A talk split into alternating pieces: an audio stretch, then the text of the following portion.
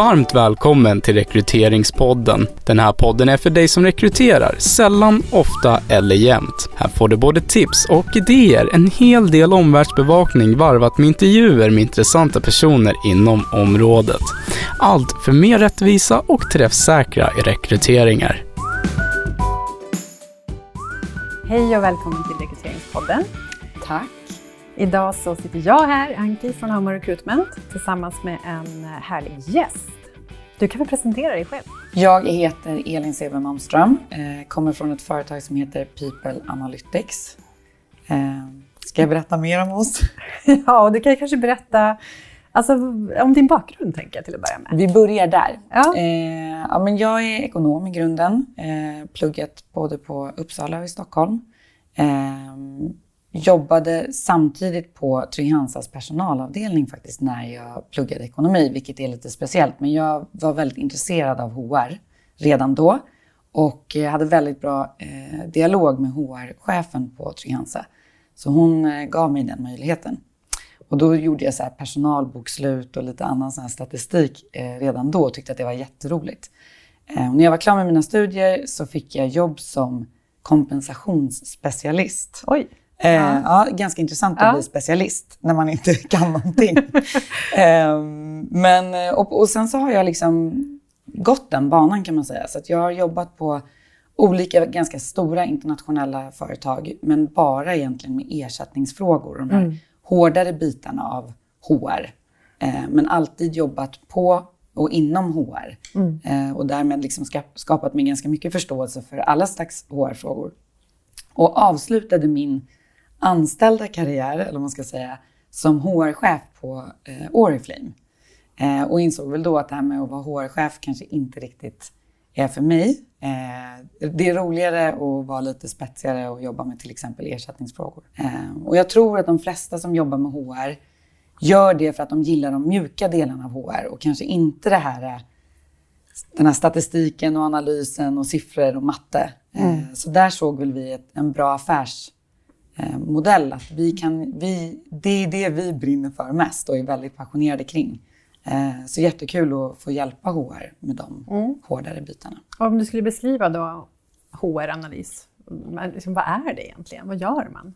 Ja, men man, alltså, eh, i och med digitaliseringen mm. så jobbar ju vi på HR mer och mer med systemstöd för våra olika processer. Och det i sin tur genererar ju väldigt mycket data mm. helt enkelt. Eh, och den där datan blir en liten guldgruva mm. eh, av information som vi kan förädla eh, på olika sätt. Men då måste vi ju använda oss av den och, och, dra ut den och titta på den och leta efter mönster och försöka få ut de här insikterna eh, som är det vi kan agera på eh, till slut. Så det är väl HR-analys mm. i stort. Liksom, att så här, allting vi har systemsatt eller automatiserat på något sätt eh, genererar en massa data som vi sen då kan gå vidare och få ut insikter av. Mm. Och det här är ju ett, eh, ett, ganska brett område såklart. Nu ska vi fokusera mer på rekryteringsområdet, men jag tänker, vad är det vanligaste annars ni gör inom just HR-analys? Vad är det liksom vanligaste ja, men, frågan? Eller ja, men jag tror att HR eh, har ju alltid mätt de här vanligaste nyckeltalen som sjukfrånvaro, personalomsättning och headcounts och mm. FTE och sådär. Så där hjälper vi ju. Vi har ju en, en mjukvara kan man säga, ett systemstöd där kunden tankar upp sin data och får ut väldigt mycket eh, färdiga visualiseringar och, och insikter. Um, alltså allt från ett sånt enkelt nyckeltal som till exempel personalomsättning kan ju bli väldigt intressant om man grupperar det och bryter ner det. Om vi kan konstatera att så här, ja, men ni har inget stort problem med personalomsättning på ert företag. Däremot inom den här gruppen, mm. de som är under 29 år, de säger ju upp sig inom ett år efter de har börjat, hälften av dem. Mm. Det är där ni måste rikta era insatser och försöka förstå vad det beror på och kanske ändra, ändra någonting i er rekryteringsprocess eller vad det kan vara. Mm. Så det, är en, det är typiskt sådana saker som vi gör eh, till stor del. Att vi hjälper HR och bli lite mer så datadrivna kring de här vanligaste nyckeltalen som kan säga jättemycket eh, och ge jättemycket värdefull information. Mm. Om man bara drar det lite längre och bryter ner och försöker hitta de här mönstren och tendenserna. Och, ja. Och det är det här som då ni tycker är roligast? Då. Det här tycker vi är jätte, jätteroligt ja. och väldigt spännande. Ja. Och hur, mycket, hur ofta är det som ni går in och gör någonting inom just rekryteringsområdet? Eh, ja, men det händer. Alltså, all form av egentligen riktigt bra HR-analys ja. eh, handlar ju, eller startar i någon slags problemställning. Att kunden har en, en hypotes kring någonting som man vill testa. Eh, och då har vi bland annat eh, blivit kontaktade av ett läkemedelsbolag som, eh, där HR menar på att de inte tror att det är jätteviktigt med en bakgrund inom läkemedelsbranschen men där cheferna menar på att de tror att det är en förutsättning för att bli framgångsrik hos dem. Det är att man har den här branscherfarenheten med sig. Just det. Eh, och HR tycker ju då såklart att så här, ja, men vi, vi minskar ju vår potentiella marknad ja. jättemycket om vi har den inställningen. Eh, och tror vi det eller vet vi att det faktiskt är jätteviktigt? Mm. Så då gick vi in, och det här är också ett läkemedelsbolag som har väldigt mycket bra data, ska man veta. Eh, där man då kan gå in och mäta prestation och hur framgångsrika de här medarbetarna är under en viss tid efter att de har anställts. Och då jämföra den gruppen som inte har eh, life science-bakgrund med den gruppen som har life science-bakgrund och se om man kan se att den ena gruppen är mer framgångsrik än den andra. Jätteintressant. Jätteintressant. För de här utmaningarna tänker jag sitter ju många med. Att man faktiskt har en tes som man faktiskt inte riktigt vet om den stämmer man tror sig veta. Exakt, och det är ju man där man tycker man har en sanning. Ja. Men frågan är ju bara så här, är det en sanning eller är det en tes? Mm. Precis som du är inne på. Mm. mm. Och hur har ni fått fram resultat då, i det här fallet? Då har vi fick, fick vi fram ett eh, tydligt resultat kring att det inte, vi, så HR blev ju väldigt, och HR var ju våran eh, beställare, beställare ja. precis. Eh, och blev väl ganska nöjda över att det visade sig att det inte fanns en sån korrelation överhuvudtaget. Inget sånt samband Nej. kunde vi se. Och det tänker jag att alla borde bli glada för inom, inte bara Så HR, är det säkert. Absolut. och på sikt i varje fall, för ja. när man inser att oj, nu fick vi plötsligt en väldigt mycket större sjö att faktiskt fiska ja. kandidater i.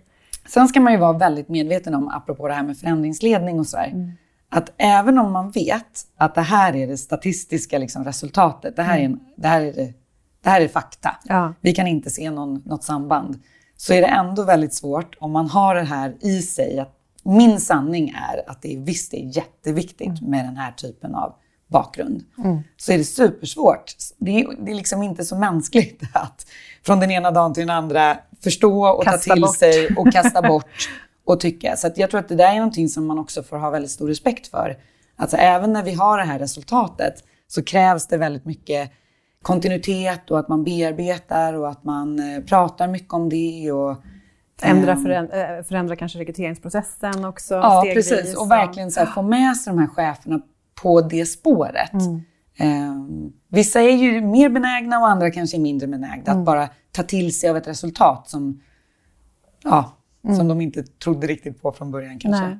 Men jag tänker att det där gäller ju även om man ska införa en ny metod inom, i en rekryteringsprocess till exempel. Där vi har haft andra gäster som har berättat hur man har gått från CV-granskning till att sätta in tester tidigt. Och det är klart att det är också en förändring som är så här, ja vi vet att det här blir bättre, men det känns inte helt enkelt att bara ställa om sådär. Nej, så men det är ju mm. exakt sådär mm. är det ju med alla sådana saker. Så bara, jag vet, men det känns, in, det, det känns inte rätt. Den, och man går ju mycket på intuition och känsla mm. när man bland annat rekryterar. Ja, det, det gör man, man ju själv också tyvärr. Ja. Och, eh, och det får vi ju lära oss att hantera. Att ja. någonstans förstå att det, det, det, här är fakta, det är det jag bör hålla mig ja. till.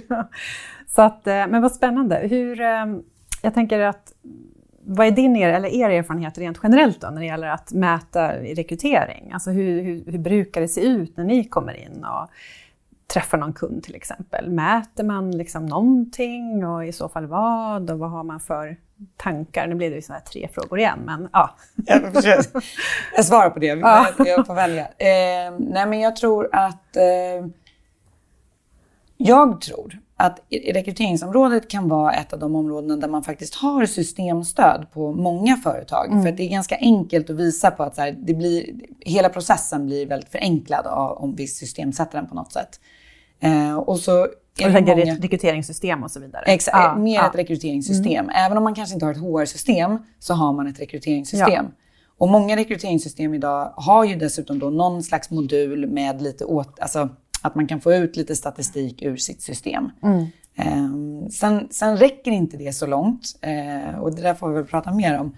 Men för att komma tillbaka till din fråga så tror jag att här, just rekrytering är väl kanske ett av de områdena som är lättast att mäta just för att det är så här, det är mycket antal och det är en process som man kan följa och eh, det är lättare att sätta upp mål kanske och mm. inom, inom just rekrytering om man jämför med arbetsmiljö till exempel ja. eller andra sådana här lite, om man får kalla det fluffigare områden eh, på HR, inom HR. Mm. Eh, och eh, vad tänker du, vad borde alla mäta då? Om man, just inom rekrytering? Ja, men ja, det där är en jättesvår fråga att ja, svara på tycker jag. Och jag förstår att det är eh, olika för olika liksom, verksamheter såklart också. Men, ja. det, så tror jag verkligen mm. att det är. Mm. Eh, framförallt så tror jag att det är lätt att börja mäta saker som för att man tycker att det är lite kul och för att man tycker att det känns bra och man vill veta lite så här. Men frågan man ska alltid ställa sig är så här, beroende på resultatet, kommer jag att agera på något sätt? Mm. Alltså är det här information som kommer att skapa liksom värde för min organisation? Mm. Eh, inte mäta för mätandets skull bara. Nej, utan, precis. Sen är det, om man, om man eh, måste ta något så konkret exempel kring att så här, ja, men av alla de som vi ger ett anställningserbjudande, hur många tackar ja? Mm. Om vi säger så här, det vill vi, för vi har en känsla kanske kring att så här, nio av tio tackar väl ändå ja. Och sen börjar man prata lite och så bara inser man att ja, det är ju de där två säljarna, de tackade ju nej och där var det några som tackade nej. Så mm. Ja, men så det borde vi ändå mäta. Det är inget fel att mäta bara för att se så här, stämmer vår känsla eller mm. inte. Men man det man verkligen borde mäta är ju sånt som man faktiskt kommer att agera på. Mm. Så att beroende på resultatet, om vi nu får reda på att ja, men 8 av 10 eh, accepterar ett anställningserbjudande på, hos oss, inte 9 av 10 som vi trodde. Vad gör vi med den informationen? Mm. Ja, det är svårt att göra någonting. Ja, men då är inte det, det är inte det vi ska satsa resurser på att mäta då. Utan försöka hitta mätetal där vi verkligen kan agera på resultatet. Mm. Och då för mig är det ju kund, kund eller inte kund, eh, kandidatupplevelsen. Mm. Där tänker jag att det finns väldigt mycket information. Lätt om man eh, samarbetar med en eh, leverantör mm. att också få benchmark. Mm. Eh, det här är vår kandidatupplevelse, eller vi får de här poängen, eller man ska säga. Hur står det sig? Vill vi vara bäst i klassen? Mm. Vad måste vi upp till då? Vad tror vi att vi ska skruva på för att nå dit vi vill med mm. vår rekryteringsprocess. Um, och också då direkt få ganska bra feedback kring att så här, ja, men nu gjorde vi de här, de här insatserna, det gav det här resultatet. Eh, gav det inte det vi ville, ja men tillbaka, skruva på andra saker. Eh, så kandidatupplevelsen är väl en sån sak som jag tycker att alla borde, borde få. Ja, mm. Och borde få mycket insikter kring mm. att mäta. Liksom. Mm. Ja, för det är också ett område, tänker jag, där man också tror mycket. Mm. Att, eh, ja, att man har vissa sanningar som man kanske behöver utmana också. Mm. Och så tror jag att det gäller att mäta över tid. Mm. Eh, framförallt för lite mindre bolag. Att för att kunna liksom gå till sin organisation och ge dem insikter som de tar till sig. Mm. Så tror jag att det måste finnas ett visst underlag och en viss kontinuitet i mätningen. Eh, för att man inte bara ska så här, vifta undan det HR kommer med. Eh, I större organisationer kanske man inte kräver lika mycket. Men just den här kontinuiteten och att man fortsätter att prata om det och att man eh, har någon slags systematik i hur man rapporterar eller hur man delar med sig av informationen till sin organisation. Mm. Och jag tänker inom alla områden, eller om man väljer att mäta själv, till exempel kandidatupplevelse, så kanske man inte har någon benchmark. Men jag tänker, då får ju ens, egen, ett, ens egna resultat bli benchmark. Att man, okej, okay, vi, måste, vi vill förbättra det här. Och hur gör vi då? Och så testar man olika delar. Helt rätt. Mm, mm. Och det där har man ju alltid. Man har ju alltid sina egna, sitt, sitt startvärde. Mm. Så inte bara inom till exempel kandidatupplevelse utan inom allting man mäter. Har man inte benchmark och kan inte få tag på det av olika anledningar så har man alltid sitt ingångsvärde mm. som man hela tiden kan benchmarka sig mot. Och an andra saker då, förutom kandidatupplevelse, är det någonting annat som du tänker man eh, borde mäta? Vi träffades vid ett tidigare tillfälle när du pratade bland annat om eh, minns jag, hur många nya tjänster man rekryterar till. Alltså som man aldrig har rekryterat till förut till exempel. Att det kan vara ett värde beroende på, säg att man har ett tillväxtbolag där det faktiskt händer saker hela tiden som gör att ja, men nu behöver vi den här typen av profil och oj, nu måste vi tillsätta den här typen av roll. Så det är klart att det är mycket mer krävande än när du rekryterar jättemånga roller men ungefär samma profil hela tiden. Tänker jag. Verkligen. Så det är en sån där sak som jag ändå skulle hålla koll på. Det Mm. handlar ju mycket om intern effektivitet också. Att så här, det är klart att när vi rekryterar till dussinroller så går det förhoppningsvis relativt snabbt. Vi vet vart vi ska leta efter våra kandidater. Vi vet, ja men ni vet, så här, eller du hur man... Eh, man har mycket klart. Medan man när man rekryterar till en helt ny position såklart börjar om från början på ett helt annat sätt och har en längre process. Eh, och att det kan vara bra att hålla koll på hur många rekryterar vi är inte riktigt tillräckligt mycket information utan så här, vi rekryterar så här många dussinroller men vi rekryterar också så här många helt nya positioner för oss. Ehm, och det är två lite olika saker eh, som tar olika mycket kraft och tid från organisationen. Precis. Eh, någonting annat då? Något exempel? Du, du gav ett jättebra exempel från det här life science-bolaget. Har du några fler som... Eller någonting som du har hört talas om kanske? Någon analys man har gjort just inom rekryteringsområdet och förändringar som man har kunnat göra därefter? Ja, men det finns eh, Reitangruppen Ja. eh, har gjort en jätteintressant, eh, ett, eller har, gjort, eh, har, har genomfört ett intressant projekt kanske man ska säga. Mm. Reitangruppen har ju både Pressbyrån och eh, 7-Eleven butiker. Och har ju en otroligt stor omsättning på personal, vilket Mm. man kanske kan föreställa sig att det är inom den branschen eller vad man Mm. ska säga. Eh, men utöver det så såg de också att beroende på vem det var som stod i, buti- i butiken så hade man olika försäljningsnivåer. Eh, ni vet sen när man kommer till 7-Eleven och köper en kaffe så frågar de om man vill ha en bulle också. Ja. Eller köper man ett tuggummi-paket så blir man erbjuden tre för ett annat pris och så vidare. Och den typen av person som faktiskt ställer de där frågorna tusen gånger på en dag eh, genererar också mer försäljning. Ja. Så det gäller att hitta rätt profil helt enkelt som, eh, som vill göra det där. Ja. Och som tycker att det känns bekvämt att ändå ställa de här frågorna. Mm. Exakt.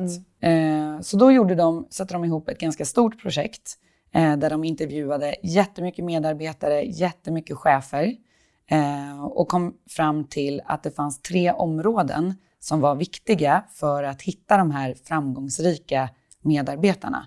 Eh, och då var det, det första var att de genomgick ett personlighetstest. Eh, och jag kommer inte ihåg, det var vissa saker då som man letar efter såklart i, i, i form av personliga kan jag tänka mig egenskaper. Ja. Ja, men säkert. Och det, men, och det jag kommer ihåg var så här att man får inte vara för... Eh, det får inte vara för viktigt med den här externa bekräftelsen. Nej. Utan liksom bekräftelsen måste kunna komma ganska mycket inifrån. Eh, Nu är jag en- duktig. Exakt. Som ställer den här frågan igen. Ja, nu, nu, nu, var det bra. Och jag, har, jag har i alla fall inte fått... Jag har bara fått sju nej idag Ja. av tio. Inte, Precis. inte åtta. Exakt. Ja. Ja. Ehm, så några sådana här personliga egenskaper vet jag att de letar efter. Ehm, och sen så har de sån jobbsituationstest ehm, som alla går igenom. Och sen så kom de fram till att det var inte så viktigt med de här logiska testerna eller verbala testerna, men matem- de här matematiska testet var viktigt eh, för prestationen. Ja. Så man gör personlighetstest och man gör de här jobbsituationstesterna och så gör man ett matematiskt test och så får man ett score. Där fem är jättebra och ett inte är lika bra. Och då kunde man också se att så här, de kandidaterna som scorar fem har också en mycket högre försäljning än en kandidat som scorar tre och lägre.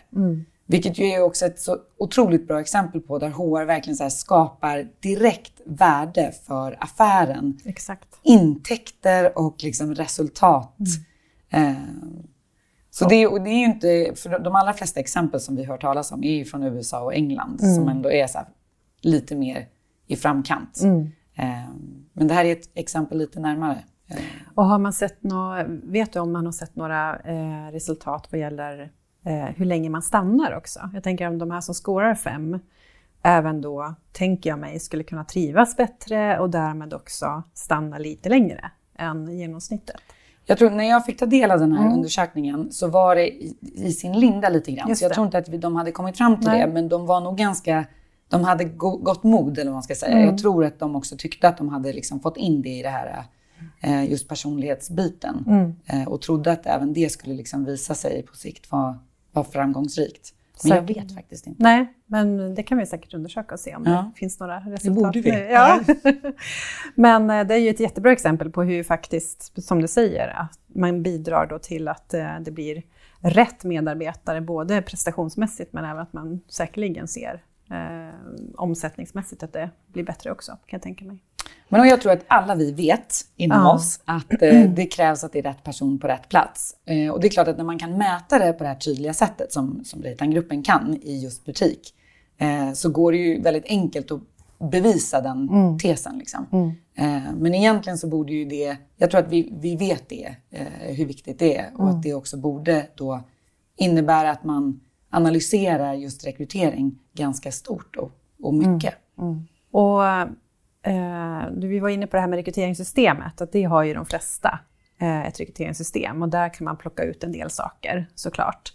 Eh, är det någonting annat du vill tillägga där kring HR-systemet eller sådär, just när det gäller eh, för du sa någonting där inledningsvis att Ja, men precis. Jag, jag eh, pratar med många eh, som, som tycker att det är svårt. Att, Trots att man får de här diagrammen. Ja. Eh, ni vet, man kan ju så här, trycka ut en rapport och så får man lite olika grafer och visualiseringar. Så är det svårt att ta till sig. Vad är det det här säger? Hur ska jag liksom, vad ska jag göra med den här informationen? Det tror jag att ganska många brottas med. Ehm, och jag tror inte att det finns... Jag menar ju på att det finns ingenting som är mer värdeskapande för HR än det här faktabaserade just nu. Jag tror att vi måste ta steget på HR och bli mer ehm, faktabaserade och prata mycket mer i termer av return on investment och så vidare. Och då tror jag att HR-analys är liksom eh, the thing för att kunna göra det. Och ingenting kommer till oss gratis. Jag tror inte att man kan tro att så, ah, men nu har vi det här rekryteringssystemet, eh, jag kan trycka ut de här rapporterna och så skickar jag vidare det i organisationen. Så får vi se om de, vad de gör med det. Så enkelt är det inte. Utan man måste verkligen säga, och jag tror att det handlar om att sätta sig ner i en grupp eh, och liksom skapa den där kompetensen, utveckla den kompetensen internt. Vad är, okej, nu har vi de här graferna. Vad är det de säger? Och hur ska vi göra, vad ska vi göra för att eh, dela med oss av den här informationen på ett insiktsfullt sätt ut i organisationen? Verkligen så här, ta ansvar för hela processen. Att så här, okej, vad är det vi vill vad är det vi vill skicka ut för budskap i organisationen? Och kanske till och med sätta sig in i chefens perspektiv. Så här, bara, om jag hade varit chef och rekryterat, vad är det jag hade velat veta av den här informationen som vi kan få ut ur det här systemet? Hur ofta hade jag velat veta? Ehm, så jag tror det finns liksom inga så här enkla svar. Det finns säkert några. Men, men framförallt så tror jag att man måste ta sig den här tiden. Och framförallt från början, så här, bara, vad är det vi ser? Finns det några mönster? Vad är det vi ska leta efter? Och just så här, bjuda in lite olika människor som vågar fråga eh, de här dumma frågorna, som vågar utmana lite. Sen kommer det där kommer ju sätta sig mer och mer. Så jag menar inte att det behöver vara något långdraget varje vecka. Men just här, från början bara så här, vad är det vi ser? Hur ska vi kommunicera det? Vad är det som är intressant av det här? Tre fjärdedelar är antagligen inte så intressant. Och så är det där, de där små insikterna som kan vara jätteintressanta. Och att man då också tar hjälp, tänker jag, utifrån om man sitter på HR själv och jobbar med rekrytering eller vad det nu än är. Eh, det kanske inte finns någon HR-controller till exempel. De, många organisationer har ju inte det såklart. Men att man då tar hjälp av en business controller till exempel, eller någon annan om det behövs. Och jag tänker på, vilka trender ser du då inom... Eh, eh för du säger ju att de har ju kommit längre i USA och UK och sådär. Eh, har du några exempel på vad du ser att man gör där? Som vi kanske inte gör här än. Så att, säga. Nej, men satsar mer. För det är också det, liksom. det krävs ju resurser och det krävs en annan sorts kompetens eh, inom HR för att göra mer inom HR-analysområdet. Så jag skulle säga, det, jag tror att den stora skillnaden är att man, man är mer benägen att ha den kompetensen eh, med data scientists och, och annat inom HR än vad man kanske ser i Sverige just nu.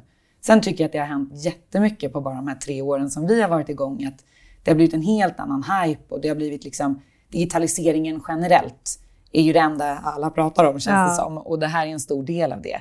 Så jag tror också att så här, det här trendar, eller man ska säga generellt.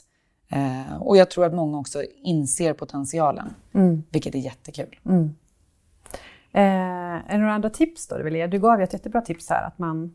Eh, man inte börjar för stort och att man börjar titta verkligen på vad gör vi av det här, vad är det som är intressant, vad tycker cheferna är intressant och sådär. Är det några andra tips? Jag tänker om man inte jobbar med alls med det här idag, men man kanske har ett rekryteringssystem, man kanske har ett HR-system, men man mäter väldigt lite. Vad tänker du då? Ja, men då tänker jag att... Eh, jag, jag berättade det för dig innan vi ja. satte igång nu, att här, jag googlade just så här, KPI ja, rekrytering. Precis. Och fick ju upp hur mycket som helst och verkligen så väldigt matnyttigt. Liksom, så, här, så här räknar du. Eh, det här är den informationen du behöver, så här räknar du. Det finns hur mycket som helst mm. att liksom hämta där. Mm. Eh, och då Hade tror jag att... du några exempel som du tänkte på specifikt som kände så här, wow, det här borde ju alla? Nej, det tycker jag kanske inte. Ja, men jag tycker inte att det är så enkelt. Däremot så här, effektiviteten kring sin rekryteringsprocess generellt. Att så här, mm. så här lång tid brukar det ta för oss att mm. rekrytera mm. en vanlig position hos oss. Eh, hur mycket längre tar det att rekrytera en sån här one-off position? Ja. Att man mer här, den här helheten, mm. just för att mäta sin egen effektivitet kanske mer än någonting annat.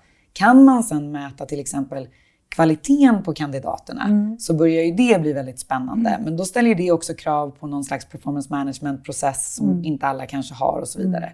Så att man får nog gå väldigt mycket till sig själv eh, och till sina förutsättningar. Mm. Ja, eh, det tror jag. Men jag tror att det finns väldigt mycket information att hämta på, på nätet kring liksom just kopior som man kan börja mäta. Och där tror jag att det handlar, problemet blir snarare att avgränsa sig och verkligen mäta sånt som vi kan göra någonting av. Mm. Jag tror att det är liksom nyckeln. Eh, det är ganska enkelt att, att bli lite carried away och, mm. och vilja börja mäta jättemycket börja mäta saker. Allt. Ja, men för att ja. det är ju roligt och man vill så här, det är ju en sanning man får fram. Så det är ju, allt är lite så här halvintressant om inte annat. Eh, så innan ni börjar mäta alldeles för mycket och det blir alldeles för kravfyllt och för stort, liksom, så skulle jag avgränsa mig. Mm. Precis som du är inne på. Inte, mm. inte hela elefanten samtidigt. Nej. Utan och också försöka tänka så här, hur skapar jag värde för organisationen? För mm. det är det vi vill komma fram till. Så här. Vad är det jag kan ta med mig ut och kommunicera kring och liksom, eh, ge insikter kring? Bra. Eh, jättebra. Har vi någonting annat som vi har glömt? Som du vill lägga till? Jag tror inte det. Nej. Ja, men kanske det här med att jag skulle vilja göra ett medskick till alla HR att ja. faktiskt tänka lite nytt kring de här kompetenserna på HR. Att mm. så här, istället för att rekrytera en till HR business partner, att man kanske funderar på så här, ja, men om vi vill, om vi vill göra någonting inom HR-analysområdet och det går att outsourca mm. såklart. Mm. Eh, vill vi göra någonting internt så måste vi också ha en annan kompetens på plats. Mm. Och våga av... ta det steget. Typ en HR-controller eller någon analytiker? Ja, men, ja eller? jag tror att eh, det räcker inte med någon som tycker att det är kul med Excel. Nej. Den får vi också ibland. Mm. Att, eh, då, då eh, siktar man inte tillräckligt högt, Nej. tror jag. Utan eh, gärna någon som jobbar med analys. Nu är det ju så här att analyssystem blir ju också bättre och bättre. Mm. Och mycket mer drag and drop än att man måste sitta och koda långa strängar för att få fram olika saker. Så jag tror att det händer mycket inom det här området generellt. Men jag skulle nog vilja, gärna vilja se att någon med mer analyskompetens, kanske en data scientist, kommer in och teamar, i, teamar ihop sig med HR. Som, mm. Vi pratar mycket om så här, analyskompetens och domänkompetens. Där vi på HR har all domänkompetens som krävs.